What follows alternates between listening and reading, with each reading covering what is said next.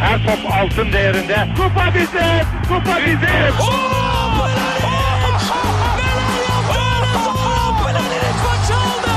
Dengeli de attı.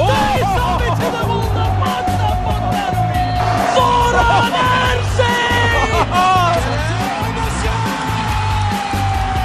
Dışarı çıkardı. Geldi, geldi, geldi.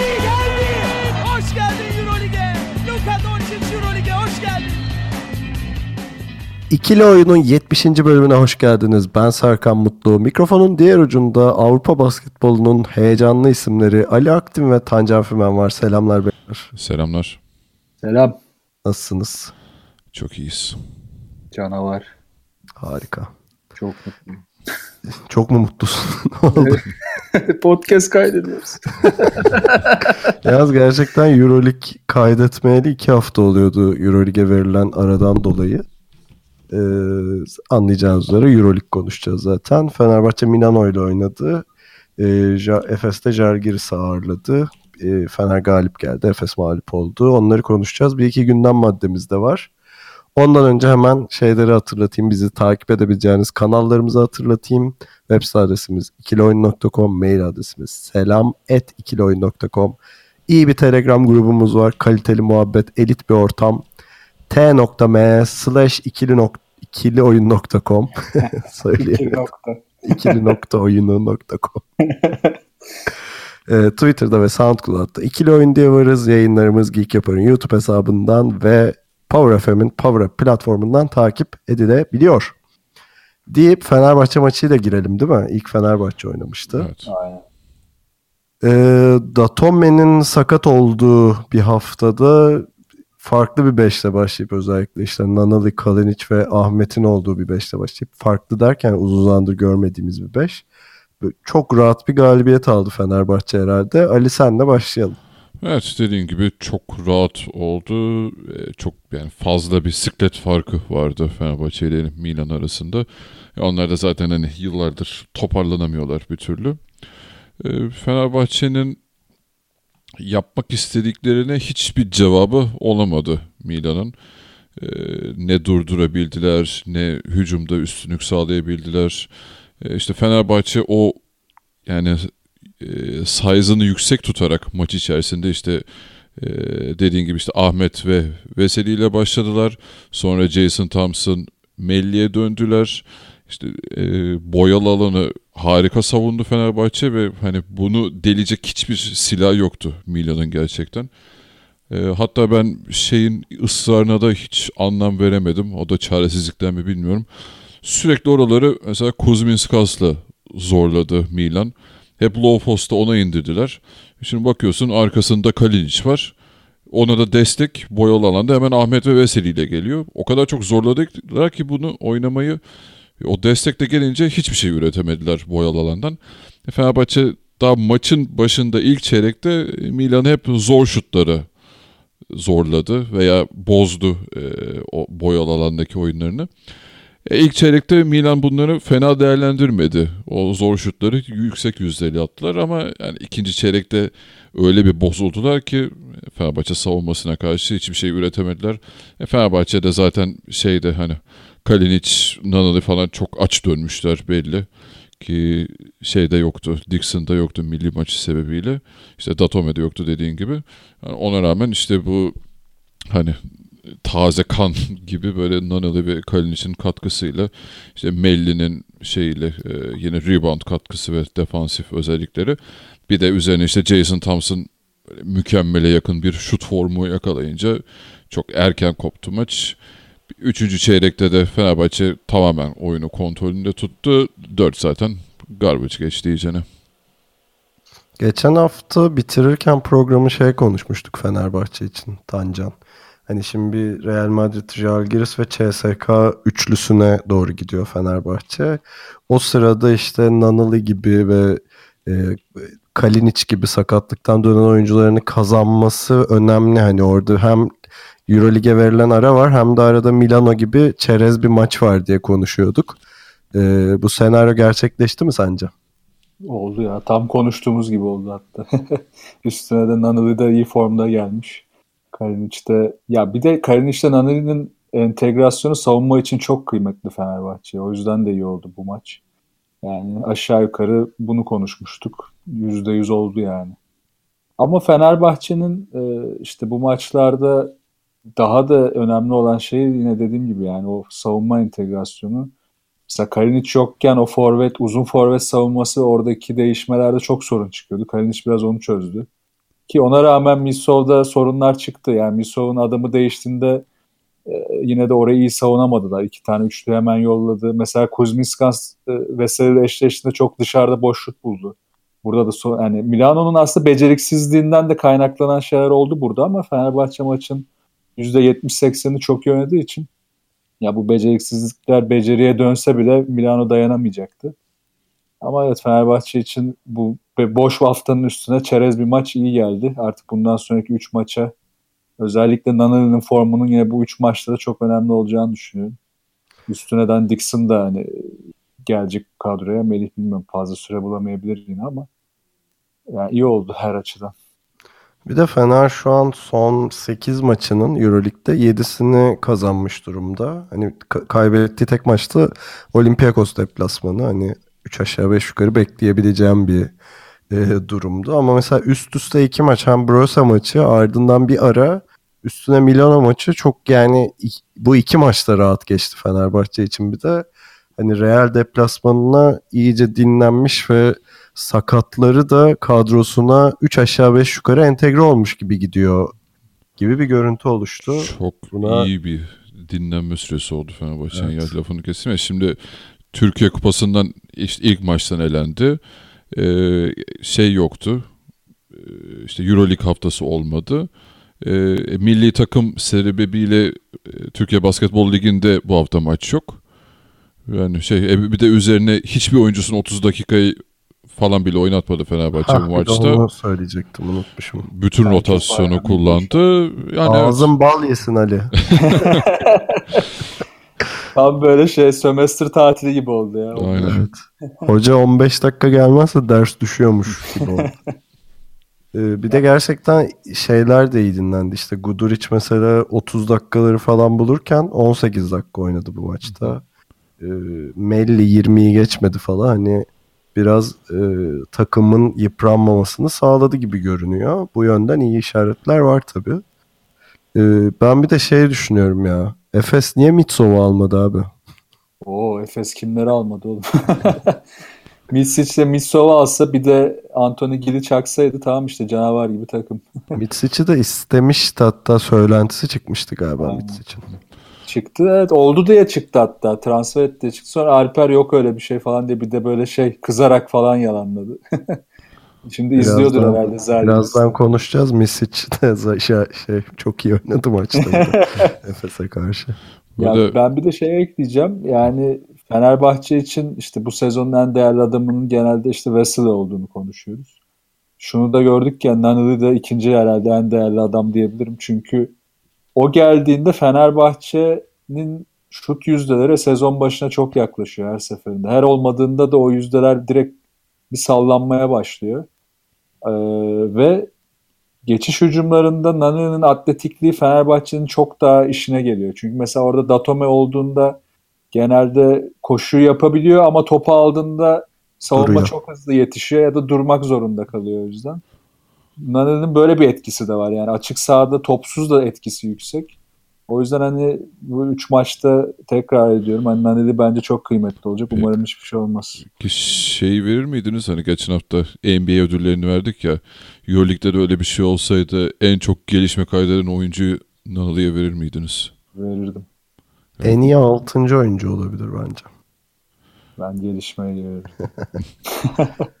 E, ya şey pozisyonunu hatırlıyorum Tancan'ın dediğinin üstüne ekleyeyim. Bir Thompson'ın bir reboundu üzerine Nonali'nin bayağı roket gibi fırlayıp Thompson'ın hmm. tam sağ pas attığı bir pozisyon vardı. Maçla bitirmişti Nonali. Evet. Yani Fenerbahçe'nin durağanlaşma sorunu olabiliyor ya hücumlarda. Bu Nanali'nin olmadığı dönemde çok yaşadı bunu Fenerbahçe. Hani oradaki farkı hemen gösterdi Nanali'nin olması. O da iyi haber yani Fener için. Kesinlikle. Sulukas'ın falan da bu kadar değerli toplu oynaması çok güzeldi Sulukas Milan'a görünce böyle oynuyor. O da bir dinlenip kendine gelmiş ya. Belli bir rahatlamış. Herhalde bir tatil matil yapmış. Şey de Milan'a da İtalya'nın Efes'i diyebilir miyiz? Ee, Yani kötü bir kadro planlaması e, yaptığını düşünerek diyebilirsin herhalde. Onlarda da bir şey sıkıntısı var. Daha tam bütün detaylarını öğrenemedim ama bir Kalnietis sıkıntısı var. Onlarda da oynatmıyorlar. İşte Ha. hoca bana ligde oynatacağım seni dedi ama orada da oynatmıyor falan bir karışık onların da içi. hoca bana taktı. Şeyi de Gudaitis'i de Cleveland Cavaliers istiyormuş. Öyle bir şey var. Theodore da sakattı. Yani dağıldı. Evet şey doğru, doğru. Ama zaten Theodore. Theodore'la Euroleague'de ne yapabilirsin ki gibi bir soru da var yani. Ha bir de hem Theodore hem Gadolak bir de Aynen ikisi topu böyle ikisi de çok isteyen oyuncular. Hani yanlarında böyle Mitsov gibi bir görev adamı var ki tekrar ediyorum mutlaka Efes alsın önümüzdeki sene ne yapıp edip. Ee, hani şey kadro planı biraz sakat yamuk başladığı bir seneydi zaten Milano'nun. Şu anki yerini hak ediyor diyebilirim yani. Tam şeye benziyor ya. Efes'te McCollum'la Lido ikilisi gibi Gadalak'la Theodor ikilisi burada da. Yani yan yana hiç uyumayacak iki adam. Euroleague'in genel çarpıklığı işte. Menajerlerden adam transfer et. Bir de şimdi havuz da daraldıkça hep aynı adamlar böyle aynı kötü adamlar da belli takımlara toplanmaya başlıyor. O da şey, Şey değil mi? Türkiye Ligi'ndeki teknik direktörler gibi böyle birkaç Aynen. tane adam var. Aa bu adam buraya mı gitti falan diye takip etmeye başlıyorsun. Aynen ona dönüyor yani. O da çok can sıkıcı. Umarım ileride biraz hareketlenir piyasa. O zaman şeyi geri bekliyoruz. Neydi bizim problem çocuk İtalyan? Ha, eee Ay adını unuttum. lan ben Gentile mi? Gentile, Ha Gentile. Gentile. Gentile büyük kaptan göreve. Gentile dönecek takımı kurtaracak. Peki şu Real deplasmanını bir konuşalım. Şimdi Fenerbahçe iyi haberler olduğunu söyledik. Mesela işte bunlardan biri Thompson herhalde. Çok iyi attı bu maçta. Ee, yani orta mesafeden neredeyse kaçırmadı. Ee, şey Kalinic ve Nanoli'nin dönmesi. Yani Kalinic daha hala çok hazır değil. Özellikle dış atış çok kaçırıyor. Ee, ama Nanoli böyle gerçekten mesajı verdi yani bu maçta. E, Sulukas'ın bir hani üst üste formsuz maçlarından sonra formda görünmesi gerçeği var. Melli ile şeyde iyi dinlendi. E, Guduric'te. Zaten Veseli'yi biliyoruz onun tavanı belli. Tavanı. E, bu gerçekler ışığında bir Real maçını konuşalım. Real'de de galiba e, Ayon dönüyor Fener Döndü. maçına. Yok yok şey maçına Ha, döndü. döndü. Barcelona Tamam. maçını fırtına gibi oynadı bir de yani üstüne ilk maçında. Barcelona zaten 30'a bağlayıp yollamışlar. ya. İzleyemedim de. Ya Onlar çok iç. Doncic kas sallamamış bile maçı yani ona rağmen. Valla Evet, hezimet olmuş yani ama deplasman ve hani Real Fener maçlarını çok seçen bir takım. E bir de İstanbul'da yendiler. Ee, acayip bir maç olacak yani kesinlikle. Galiba Real'de de Trey Tompkins yok ama. Evet, sakattı. Yetişmezse olmayacak herhalde. Yok olmayacakmış evet. Ha, tamam. Ama yani Real Madrid'i şu açıdan tebrik etmek lazım. Hani bu bölümüne kadar sezonun bu kadar çok sakatlıkla çok çok iyi geldiler. Yani ilk dört durmaları bence harika onlar açısından. 2-3 hafta önce Randolph dönmüştü. Ayon döndü. E, İşte Lulun belki playoff'a yetişmesi söylentileri var. O da antrenmana başladı. İşte Maçulis dönüyor falan. Ee, yani şey korkutucu bir hale gelmeye başladı Real Madrid tekrar. Valla Fenerbahçe'nin bu maçta yani Obradovic'in şeye karar vermesi gerekecek. İşte son Olympiakos maçı da bu çok dert olmuştu Printezis üzerinden. Yani iki uzunla oynaması çok zor yine bu maçta da. Yani bunda ne kadar ısrar edecek yani Ahmet Veseli'de falan başlarsa bayağı sıkıntı çeker Fenerbahçe. Muhtemelen Veseli Melli ile başlayacak diye düşünüyorum ben. Ki Anthony Randolph da iyileşti. Ayon da iyi durumda. Hepsi hareketli şimdi oradaki uzunların. Bilmiyorum burada Obradovic'in alacağı karar kritik. Ya ben Ahmet riskine gireceğini zannetmiyorum ya. Ya Ahmet olmasa bile orada Thompson'la bile başlamayamaz yani. O Thompson da orayı savunamaz. Yani Wesley Thompson da yaş. Ya orayı nasıl çözecek ya da ne düşünecek? Melli'yi de Aynen. 35 dakika da oynatamaz. Biraz hani rakibin rotasyonu Fenerbahçe'nin rotasyonunu belirleyecek bu maçta. Genelde Fenerbahçe ana rotasyonunu kendi savunması üzerinden belirleyip rakibi buna bununla baskı altına almak isterdi. Bence Real maçında tam tersi olacak. Biraz Real'in rotasyonuna göre Obradoviç belirlemek zorunda kalacak. Bir de bu şöyle bir maç abi. Şimdi Fener'de işte hep diyoruz ya Yudoh ve Bogdan yok geçtiğimiz seneye göre. Hani bunlar Avrupa basketbolu şeyinde standardında işte süperstar elit seviyede iki adamdı. Şimdi bu sezon Fenerbahçe şeylere acımıyor. 6-8'deki takımlara pek kaybetmiyor yani. Şimdi geçmişine bakamadım da isim isim baktığımda Evet. hiç yenilmemiş bile olabilir yani. Ama üst tarafta çok silindiği maçlar oldu. İşte Olympiakos deplasmanını hatırlıyorum. Hani yenilginin de ötesinde bir hezimetti o maç. E, şey hem Olympiakos hem Real Madrid'e İstanbul'da kaybetti falan. Yani bu maç çok önemli bir maç bence. Fenerbahçe'nin şey mesajını vermesi gerekiyor. Yani tamam benim sakatlarım iyileşti ve ben geri döndüm. Real'e de İspanya'da kafa tuttum hatta yendim mesajını vermesi gerektiği bir maç ki biraz taraftarların da e, gönlüne su serpsin. Çünkü hala bir şey ürkekliği görüyorum ya geçen seneki tavanın altındayız falan ürkekliğini. E, öyle bir mesaj vermesi gerekiyor Fenerbahçe'nin diye düşünüyorum. Yani 8'in altından bir Malaga var. O da ilk maçta. Hani ilk o maç da ilk maçta evet. desek geçsen gerisi bak Panathinaikos üstüne Olympiakos, Maccabi.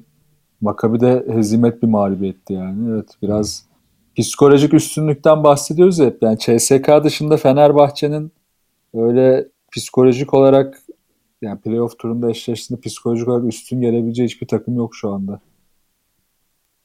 Gerçi ben şeyi söylüyorum yani o Best of Five'da Obradovic'in bileğini bükecek koç yok bence hala şeyde Avrupa'da ama Final Four belli değil. O tek maçta oynanan bir şey yani.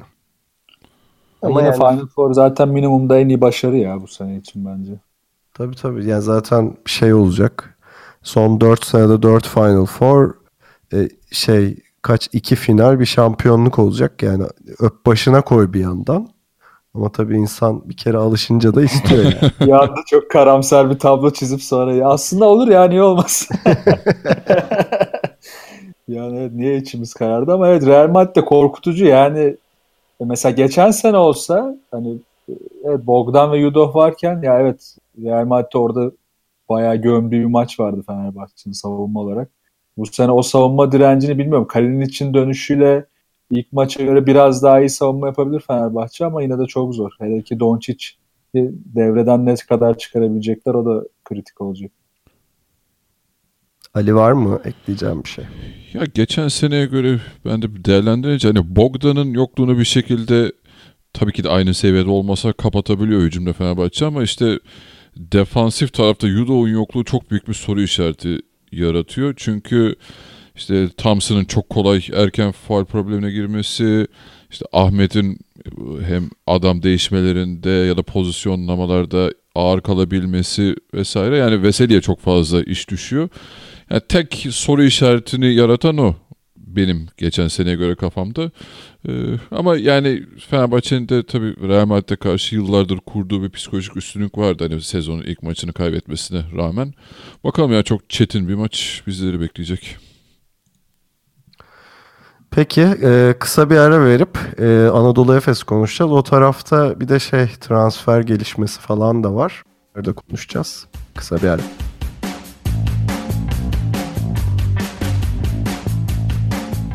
Efes'le devam ediyoruz. Anadolu Efes cephesinde çok önemli bir gelişme oldu hafta içinde. O da Dragic'in üzücü sakatlığıydı. Dragic tam hatırlamıyorum sakatlığını galiba. Ha şey bir rebound pozisyonda sanırım dizinden sakatlanmıştı. Ee, sezonu kapattığı ortaya çıktı Kalin için. Bunun üzerine Efes hemen Sony Williams'ı aldı. Ee, yani gene boşta adam bulup aldı gibi bir şey oldu yani. Çin'den Şimdi mal getirir. evet. Değil mi? Şeyde Ee, Ali Baba'dan söylüyorlar. bütün böyle. Kar 14 günde geliyor kargo ama bedava. Efes olunca şey yapıyordur yani özel premium kargo ile falan. Ee, hani orayı kapatmaya çalıştı. Bu maçta da Efes yani biraz garip bir rotasyonla oynadı. İşte Birkan Batuk bu sezon hiç hatırlamıyorum 20 dakikanın üzerinde süre aldı. Muhaymin 18 dakika süre aldı. E, Yiğitcan 6 dakika oynamış. İşte maçın ben Ergin Ataman'a borç taktığını düşünüyorum. Yani Yaptı, hiçbir şey yapmış. Obradoviç mi övdü acaba? Hoca aslında Obradoviç iyi niye tartışıyorsunuz falan ya gerçekten bir de garbage time'da oyun aldı. Herif gayet iyi oynadı yani 6 dakikada. Ee, hani orada orada bir sıkıntı var benim şahsen çözemediğim ama şimdi Ergin Ataman'la ilgili konuşunca da ön yargılı falan diyorlar bize. Hater. Hater. Hater. ya arkadaşlar ben bu işi anlamıyorum. Ergin Ataman geldi dedik ki çok iyi olabilir Efes'e. Ergin Ataman NBA'den döndü. Yani şey Amerika turundan döndü. Basketbola çok konsantre geldi. İyi olacak falan dedik. Yani bu, bu haterlık mı oluyor? Sonra kötü şeyler yaşanınca biz buna kötü deyince niye hater oluyoruz? Ben bunu anlamadım. Öyle olmuş işte. Laflarını çarpıtıyorlar. Cım, cımbızla seçiyorlar. Neyse yani o, o, o tartışmaya girmeyelim. Ama önce şu Dragic ve e, Sonny Weems olaylarını konuşalım. Dragic e, benim ve Ali'nin iyi ol bir transfer olacağını düşündüğümüz Tancan hiç katılmadığı bir şeyken hani şu Efes'e çok ciddi katkı veriyordu en azından hani tutup da iki seviye üste taşımıyordu. Ama başta oyun disiplini, ikincisi savunma disiplini, üçüncüsü de bir hücum tehdidi olarak hani o üç alanda da kalbur üstü bir katkı veriyordu Efes'e ve hani önemli bir rol oynuyordu diye düşünüyorum. E, o yüzden kaybı büyük oldu Efes'in. E, bir taraftan da Sonny Weems bu açığı kapatır mı diye sorayım size. Ben Bu- kapatırım Ali. Buyur Tancan. Sen daha hazırsın bence bu konuya. Abi sen, Sunny Williams için de Dragic için söylediklerimi şimdi bak aynen söylüyorum. E, Efes biz Anadolu Efes'in aradığı yaratıcı oyuncu değil yine maalesef. Çin'den söylenmiş. Ya yok şaka bir yana Dragic'te de yani evet, son formunu ben de övdüm. Savunma olarak katkısı zaten şu takımda savunma olarak tek iş yapabilen oyuncuydu. O yüzden çok yazık oldu. Yani. Mesela en azından o sertliği koyup dirençli kalabiliyordu maç boyunca. Çok üzücü oldu. Ama yine de Anadolu Efes'in sezon başından beri acı çektiği işte yaratma, takıma yön verme, işte Simon'un dışında bunu yapabilen yok ki bunu 10 kere falan konuşmuşuzdur. E yine yok yani Sunny Williams de öyle bir adamdı ki Sunny Williams de birebirini oynayan, hücumu zorlayan, işte boş şutu bulursa yani çok keskin sharp shooter değil ama şutunu bulduğunda da fena değerlendirmeyen, kötü yüzlerle atmayan bir hücumcu. Ha savunmada da iyidir. Yani ama yine de Ergin Ataman'ın oluşturmak istediği toplam savunma bilincine ne katkı yapar? Hiçbir fikrim yok. En fazla bireysel katkı yapar. E, Drag, Dragic o konuda daha iyiydi. En azından savunmaya daha takım içinde bir yükselme verebiliyordu. Yani bir iğme katabiliyordu takım savunmasına. Wims bence onu da katamayabilir. Bir de ben şeyden de sıkıldım. Hani Douglas gelince de ilk maçında iyi bir işaret vermişti. Şimdi aynı işaretle gidemiyor. O yüzden çok da konuşmak istemiyorum yani transferde. Çünkü Efes'e kimi koyarsak koyalım o takımın içinde çok iyi de gelse, çok kötü de gelse ne yapacağı belli olmuyor. O yüzden izleyip göreceğiz Wilms'i. Ya bana biraz e, şey gibi geliyor. E, lig transferi gibi geliyor. Çünkü Mecbur Belli- zaten. belli ki Euroleague bitmiş e, Efes oyuncuların kafasında. Çünkü Ergin Ataman'ın vücut dilinden de böyle bir şey okudum ben. Son çeyreği neredeyse oturarak izledi yani. Hani Buna %100 katılıyorum. Aynı Ee, şeyi düşündüm yani. ondan sonra hani öyle bir şeyi kalmamış. Furkan Tatlı'nın bu konuda bir sorusu var. Telegram grubumuzdan sormuş. Hemen oradan bir soruyla açayım Efes muhabbetini o zaman. Demiş ki sizce Efes için Euroleague'de bayrak atılmışken gençlere yatırım yapıp süre vermek mi doğru? Yoksa bir ismi var ne olursa olsun as oyuncularla mı maça çıkmalı? Yani gençler dediği işte Onur Alp, Yiğitcan, Birkan Batu sayacaksan o. Ee, Mustafa şey Muhaymin vesaire gibi oyunculardan bahsediyor. Ee, ne diyorsunuz bu konuda? Aslında verdi ya. Mustafa 18 dakika oynamış. Ben beklemiyordum bu kadar oynatmasını. Ha, yani Yok Maç. bundan sonrası için bunu biraz hani zorunluluktan verdi ya da ne bileyim birilerine mesaj mı veriyor ben de çözemiyorum hocamızı bazen. Ya evet bunu Ee, istikrarlı yapacaksa bence vermeli. Zaten hani burada artık ne yapacak ki Efes? Yani bir prestiji de kalmadı ki yani bak çünkü şu oluyor yani 8-10 arası ya da işte 10-13 arası bir yere çıkabileceğini bile düşünsek çok zor şu anda. Yani öyle bir ışık yok. Ne zaman üstteki takımlar kaybetse zaten Efes de kaybediyor. Oyuncuların da senin dediğin gibi yani o suratlarından ya da saha içindeki hareketlerinden konsantrasyonlarını yitirdikleri de ortada. E burada aç gençleri oynatmak ve bu tecrübeyi vermek çok daha faydalı olur. Ama tabii bu sefer de bir prestij kaybı ihtimali ortaya çıkıyor. Yani yani kimse kusura bakmasın ama 3 aşağı 5 yukarı Efes'in son sırada bitireceği e, bir lig karşımızda gibi görünüyor. Hani bir yandan da Efes'e yakıştıramıyorum yani bu durumu da. Akılları başlarına gelir belki bitirsinler sonucu. yani şu yapılan transferler ya bak bütün sezon başı bütçe muhabbeti konuşuldu o kadar. Yani bütçeyi kıstık ettik. E şimdi Galatasaray'ın yani Ataman'ın son sezonda yaptığı yine işte sınırlı bütçeyle diye yola çıkıp o bütçenin üstüne çıkan bir bütçe harcamasıyla takımı nereye getirdiler? Yani 3-4 oyuncu gitti, yenileri geldi, sakatlık oldu. E baştan bu transfer politikasını iyi belirleseydi zaten bunlardan hiçbir olmayacaktı. Geçen sene çok daha sorunlu dediğimiz Anadolu Efes'in playoff'a nasıl kaldığını da hatırlıyoruz. Üst, üst üste 8-9 maç kazanarak oralara gelmişti. Bir önceki sene bile Real Madrid'i yine playoff turunda inanılmaz zorlamıştı.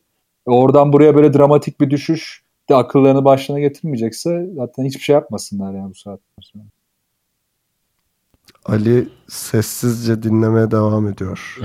Suratında acayip bir gülümsemeyle. ya şey çok ilginç oldu. Ee, Efes geçen seneki Darüşşafaka'ya dönüştü bir anda. Nasıl işte Darüşşafaka geçen sene tamamen Vanamaker, ana skorer ve Clyburn'un birebirleriyle oynuyorsa Sunny Williams transferi de şey, tamamen ona çevirecek Efes'i. McCollum'un... Onlar atıyordu yine en azından ya. işte Mac, bu işte daha fakir versiyonu gibi olacak biraz ama fakir. McCollum'un Darüşşafaka. McCollum'un ana atıcı oldu. Sunny Williams'in de birebirleriyle kaldığı bir Efes olacak gibi sezonun geri kalanında ve ligde. Ee, bu gençleri oynatma mecburen oynatacak. Şimdi mesela Simon olsaydı ki Simon şeyde çok formdaydı. E, kupa serisi boyunca çok inanılmaz formda oynadı.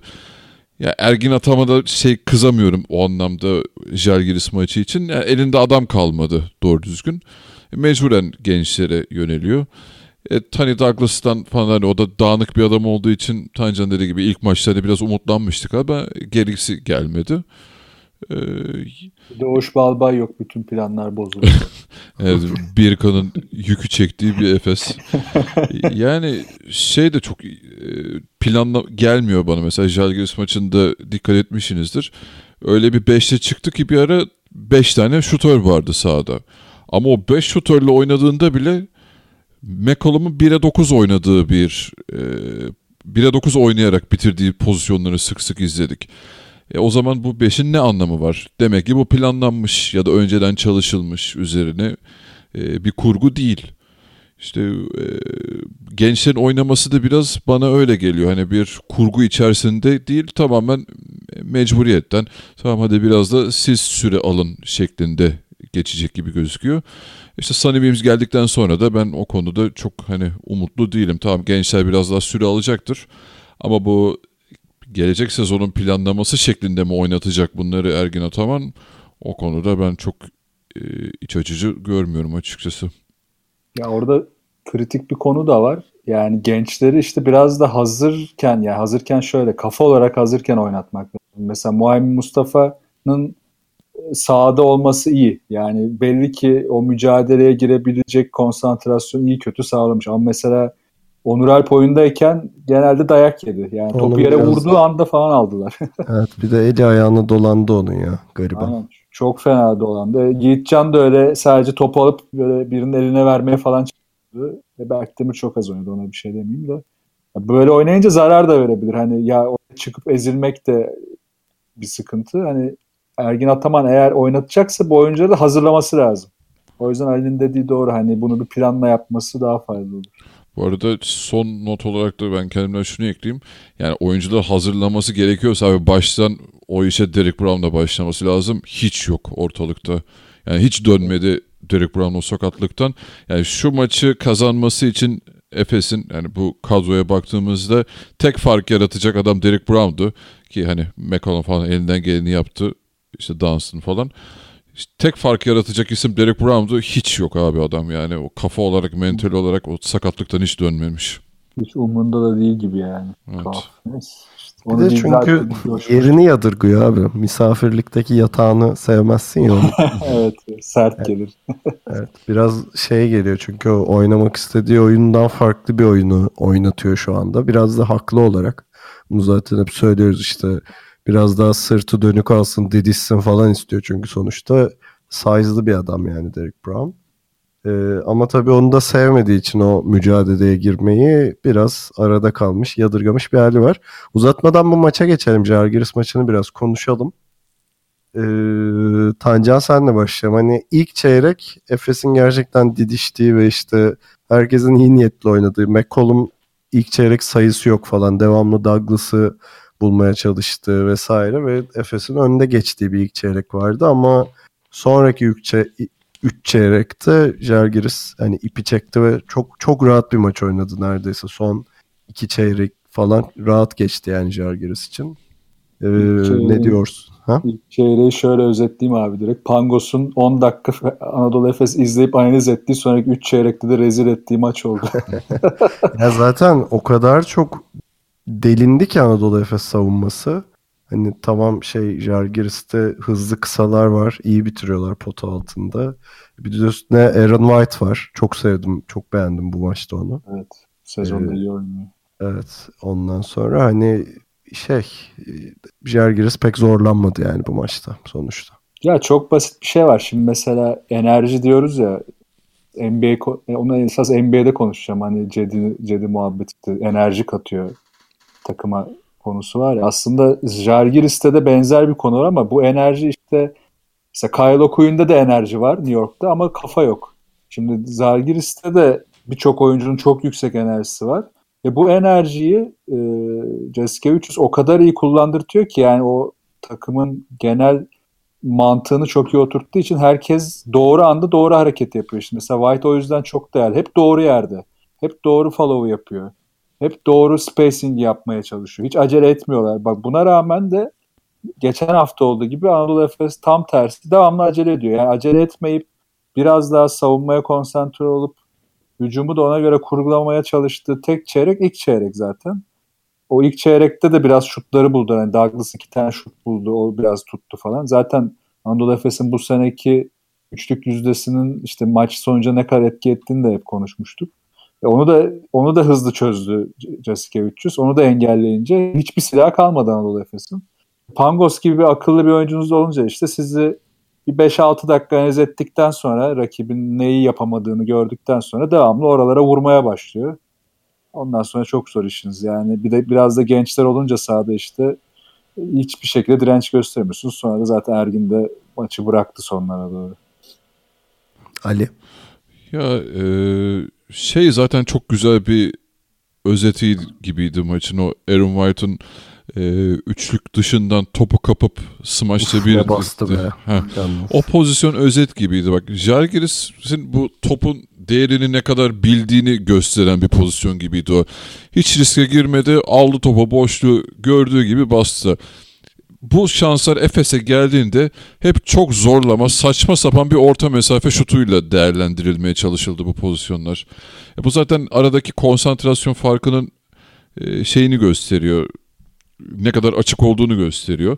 İşte Efes'te bu e, işte savunma direncini arttıran, konsantrasyonunu arttıran, o bütünlüğü sağlayan adam biraz şeydi. E, Dragic'ti. Ve o olmayınca işte o az önce bahsettiğim gibi de formda e, Simon'da olmayınca bu buralarda iyicene dağıldı Efes. Ki e, işte Jalgiris'i zaten değerli yapan şey hem topun değerini bilmeleri hem e, skor bulurken e, yani skoru üretecek kişiyi topla çok doğru yerde buluşturmaları, e, Pangos'un zaten asist yeteneği, sahayı çok iyi görmesi, e, bunları bozmazsan zaten Jalgiris'e karşı şansın çok hiç yok neredeyse. E, Efes de zaten bunu yapacak. E, bu haliyle bu şey, e, konsantrasyonu bu kadar düşükken savunma konsantrasyonu ligdeki son takım. E, o yüzden gerçekten çok şey e, rahat bir maç oldu onlar adına. Ya tabii kızamayız bir yandan da. Çünkü şimdi şeye bakıyorsun Jalgiris'e hani oyuna açlığına bakıyorsun tabii. E, şeyi seyircisi gelmiş Litvanya'dan bayağı şey e, hani çok sayıda ne bileyim 100 falan seyircisi vardı gayet Çok gürültü güzel, çıkarıyorlar falan. E, bir yandan şimdi şeyine bakıyorsun 14 maç kazanmışlar şimdiye kadar. Hani o şeyle şu an Real, Žalgiris, Kimki ve Panathinaikos eşit galibiyet sayısında. Hani oraya tutunmaları çok önemli. Hem böyle şeyle bir de hani bu bütçelerle bir de hani oralara tutunuyor olmaları onlara o gazı veriyor. E bir yandan da Anadolu Efes'e bakıyorsun. Ligde son sırada çok sert bir Türkiye Kupası şey dönemi geçirmiş. Çünkü çok iyi geçirdiler evet ama Dunstan'ı 40 40 dakika falan oynatarak geçirdiler bunu. Hani baktığında ya Dunstan'ı yoracaksın yani bitireceksin adamı ya da böyle bir Jalgiris'in hani açlığının semeresini göre semere mi denir lan o? Neyse.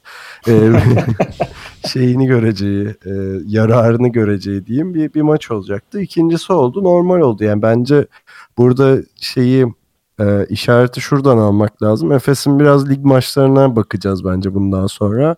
Hani eğer oradaki rotasyonlar bence Eurolig'e göre daha iddialı rotasyonlar olacaktır Efes için. Çünkü hani enerjiyi oraya kanalize etmeye çalışıyor gibi bir görüntü var bence Ergin Ataman. Ya buna hem katılıyorum hem de katılamıyorum. Çünkü McCollum mesela pick and roll oynarken izleyince acı çekmiyor musunuz yani? J- Žalgiris öyle bir boğuyor ki hani şöyle bir durum yok. Anadolu Efes orada istese de o oyunu oynayamayacak. Yani McCollum'un o pick and roll oynaması ya da işte Derek Brown'un oynaması falan imkansız yani. Ama işte Ha. McCollum da garibim pick and roll'u Birkan, Birkan Batuk'la oynuyor işte. Öyle bir çok da kızamıyorsun yani. Ya Birkan ama Dunstan'da da oynayamıyor. Öyle bir durum. Çok çok boğulduğu anlar oldu yani. Sıçtılar. Yani o yüzden e, evet doğru söylüyorsun. Birçok kısmına katılıyorum ama işte bu tip şeyleri de Žalgiris çok iyi çalışıyor abi. Zaten şeyi çok merak ediyorum ya. Keşke sene sonu şöyle bütçeleri bir yan yana koyma ihtimali şansımız olsa. Yani Žalgiris'in adam adam bütçesiyle Anadolu Efes'inkini böyle yan yana koyup baksak keşke. Abi zaten Efes'in son 10 senesine bakınca tablo net ya. Yani o yüzden dedim yani bu maç için Ergin Ataman'a falan bulunacak bir suç değil. Tamam hani rotasyonunu belki sorgulayabilirsin ama yani gerçekten Ya yine Ataman se- özelinde söylemiyorum zaten. O kurmadı bu takımı. Yani genel olarak zaten konuştuğumuz şey işte takımın mimarisinin sıkıntısı. Evet. Ee, peki şeye ne diyorsunuz? şey. Pardon. ya. Pardon. Ee, Jasikevicius'un giderek küçük bir Obradovic'e dönüşmesine ne diyorsun? Yani o şey vücut dili falan da öyle yani. Mesela işte bir pozisyon oluyor. Onunla alakasız bench'te oturan bir adama bağırıp çağırıyor. Bak bunu niye böyle yapıyorlar falan filan diye. Oradan mesaj veriyor falan. Tam bir küçük Obradovic yani şu Evet, an. evet, onları çok kullanıyor. Dikkat ediyorum ben de.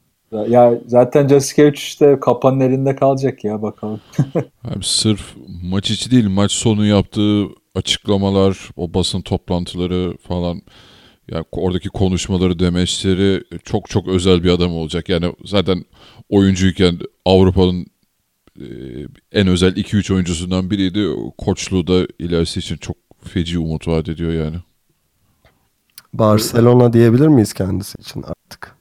Bence gitmesin ya var ya. bari- Valla gerçekten orası da o kadar boktan halde ki yani gidip orada kendini yemesini de istemiyorum bir yandan yani. Ben sürpriz Yo, bir yandan şekilde Yunanistan'a gidebileceğini düşünüyorum ya. Kime? Bilmiyorum sürpriz bir şekilde. Hayır Panathinaikos. yani Sferopoulos durur Yok, yani. yok, E şey de durur. Panathinaikos olabilir. Ha. Yani. Geçmişi de var. İlginç olabilir. Bence Jasikevicius o şeyle e, Giannokopoulos'la çalışmak istemez diye düşünüyorum. Ne oldu onların oylamaya? Gidiyorlardı falan. Yok ertelendi abi. Taraftar desteğini gösterince falan şey olmuş. Gerek kalmamış. Sezon sonunda bakacağız falana çevrildi. Tarihin böyle en şey geri vitesi olarak kayıtlara geçti yani. Abi Peki ya. son bir konu var. E, Trinkieri boşa çıktı. Evet. Evet ya. E, yani şey Bamberg'den kovuldu herhalde. E, According to sources. According to sources evet. Release gibi geldi bana biraz da ama anlamadım ki abi. Biz sor, sources'lardan pek bir şey anlaşamıyor. Yok David Pick yazıyordu ya işte yönetim toplantı Trinkier'in geleceğini konuşuyorlar falan. Ha. Söylüyordu. Sonra bir toplantı yaptılar ve işte yani kovuldu yani baktığında hani kibarca e, şey yaptılar. Hani Almanya'da son 3 sezonun şampiyonu yanlış bilmiyorsam ama bu sezon biraz tökezliyorlar ligde de. Şey kupadan da elendiler. Şeyde de bakayım Euroleague'de de işte 9 galibiyetteler. Biraz uzaktalar yani şeyden playoff e, sıralamasından falan böyle bir durum. Metal yorgunluğu diyebilir miyiz? Abi Hiç... Sakatlığı da etkiledi. Evet ya ben de onu merak ediyordum. Evet, Hiç doğru düzgün bir detay öğrenemediğimiz için işte ameliyat oldu. Onun ne kadar etkisi var yoksa bu tamamen performansa bağlı bir şey mi? Hiç yani işte o sezon başında konuşuyorduk yani bu Eurolig'in şeyinden doğru düzgün haber alamıyoruz falan tarzı. Evet. İşte bir David Pick bir iki de işte Litvanyalı adamın şey Twitter hesaplarından ne öğrenebilirsen yani. Ya bir de hani Brose yönetimi ne bekliyordu ki bu sene Euroleague'de? Hani kadro da geçen seneye göre daha Tabii zayıf canım. zaten. Melli gitti. Bence Euroleague'den ziyade Almanya'daki durum çünkü şimdi Almanya'nın şampiyonu otomatik geliyor Euroleague'e. Ee, Ne hani- durumda şu anda? Sen Almanya'da Ser- Serkan bildir bize. Tabii yakın. Brose'yi yakından takip eden Serkan. Vallahi hiç bakmadım ama hemen sizin için bakayım şu anda. Ee, oha nerede lan burası? Yuh 10. He tamam. Şimdi Sıkıntı taşlar yerine var oturdu. Evet. Ee, lig- ligde bu kadar uzak kalmaları sıkıntı. evet. Yani şey birinci Bayern 20 galibiyet. 2 Alba Berlin. E, Bamberg 11. Ki Bayern Djordjevic de seneye Euroleague'e bileniyordur şu anda ya. Evet hani. Almanya'dan bildirdim. Çok yakından takip ediyorum görüyorsunuz. Tecrübeli Alman muhabirimiz. Merhaba ben Köln'den katılıyor. Yani tabii şimdi böyle bakınca bir şampiyonluk şeyleri de kalmadı belli ki. Ee, hani ne bileyim kan değişikliği mi yapmak istediler nedir ama ben hep o zaman. Ee, ama ben hep yani şeyi söyleyeyim. Ergin hocamız alınmasın ama Trinkieri'nin hani Efes gibi hem yani Brosa'ya göre daha iyi bütçeleri olan hem de işte ne bileyim Hani nispeten sınırlı olan bütçesi. falan. Ee, öyle bir takımda ama tam yetkiyle olmasını ga- gerçekten isterim. Hani transferi de kendisi yapacak vesaire o şekilde ama. Yok abi ben Trinkier'in Efes'te başarılı olabileceğini düşünmüyorum. Trinkier Oo. yüzünden değil. Direkt gömdü. Evet. Okey. Oraya bir şey GM transferi de lazım değil mi? Ama işte ben de tam yetkiyle demiştim o yüzden özel olarak. Aynen de yani olmayacağını bildiğimiz için. Neyse. O zaman o da olmazsa şunu beğeniyorum. Prezic NBA'de ha? Emir Prezic'i aldılar. Yani NBA'de bir şey yardımcı antrenör ya falan gibi bir şey de alabilir. Alabilir aslında şöyle yani savunma tarafında da çok yetkin. Böyle özel spesifik bir rol de alabilir. Hücumda da yaratıcı olabilen bir koç. Birçok role gidebilir. Birçok takım da yine peşinden çıkacaktır. Yani iyileşecek şimdi. Sezon başında daha sağlıklı da olur. Kimse kaçırmaz herhalde. İkili oyunu dinlediğiniz için çok teşekkür ederiz. Ee, bu hafta NBA yayınımız herhalde çarşamba olacak. Merakla bekleyebilirsiniz. Hemen bize ulaşabileceğiniz görüş, öneri, yorum ve soru ile kanallarımızı hatırlatayım. Web site adresimiz ikiloyun.com, mail adresimiz selam@ikiloyun.com. Elit insanların buluşma noktası, Türkiye'nin basketbol platformu Telegram grubumuz t.me slash ikili oyun. Ee, bekleriz muhabbete güzel oluyor. Twitter ve SoundCloud'da ikili oyunu takip edebilirsiniz. Yayınlarımız aynı aynı zamanda Geek Yapar'ın YouTube kanalından ve Power FM'in Power App platformundan takip edilebiliyor. Uzun zamandır yapmadığım bir çağrıyı yapayım. Bizden haberi olmayan arkadaşınız kaldıysa bize önerirseniz çok seviniriz. Haftaya görüşmek üzere. Kendinize iyi bakın ve hoşçakalın. Hoşçakalın. Hoşçakalın.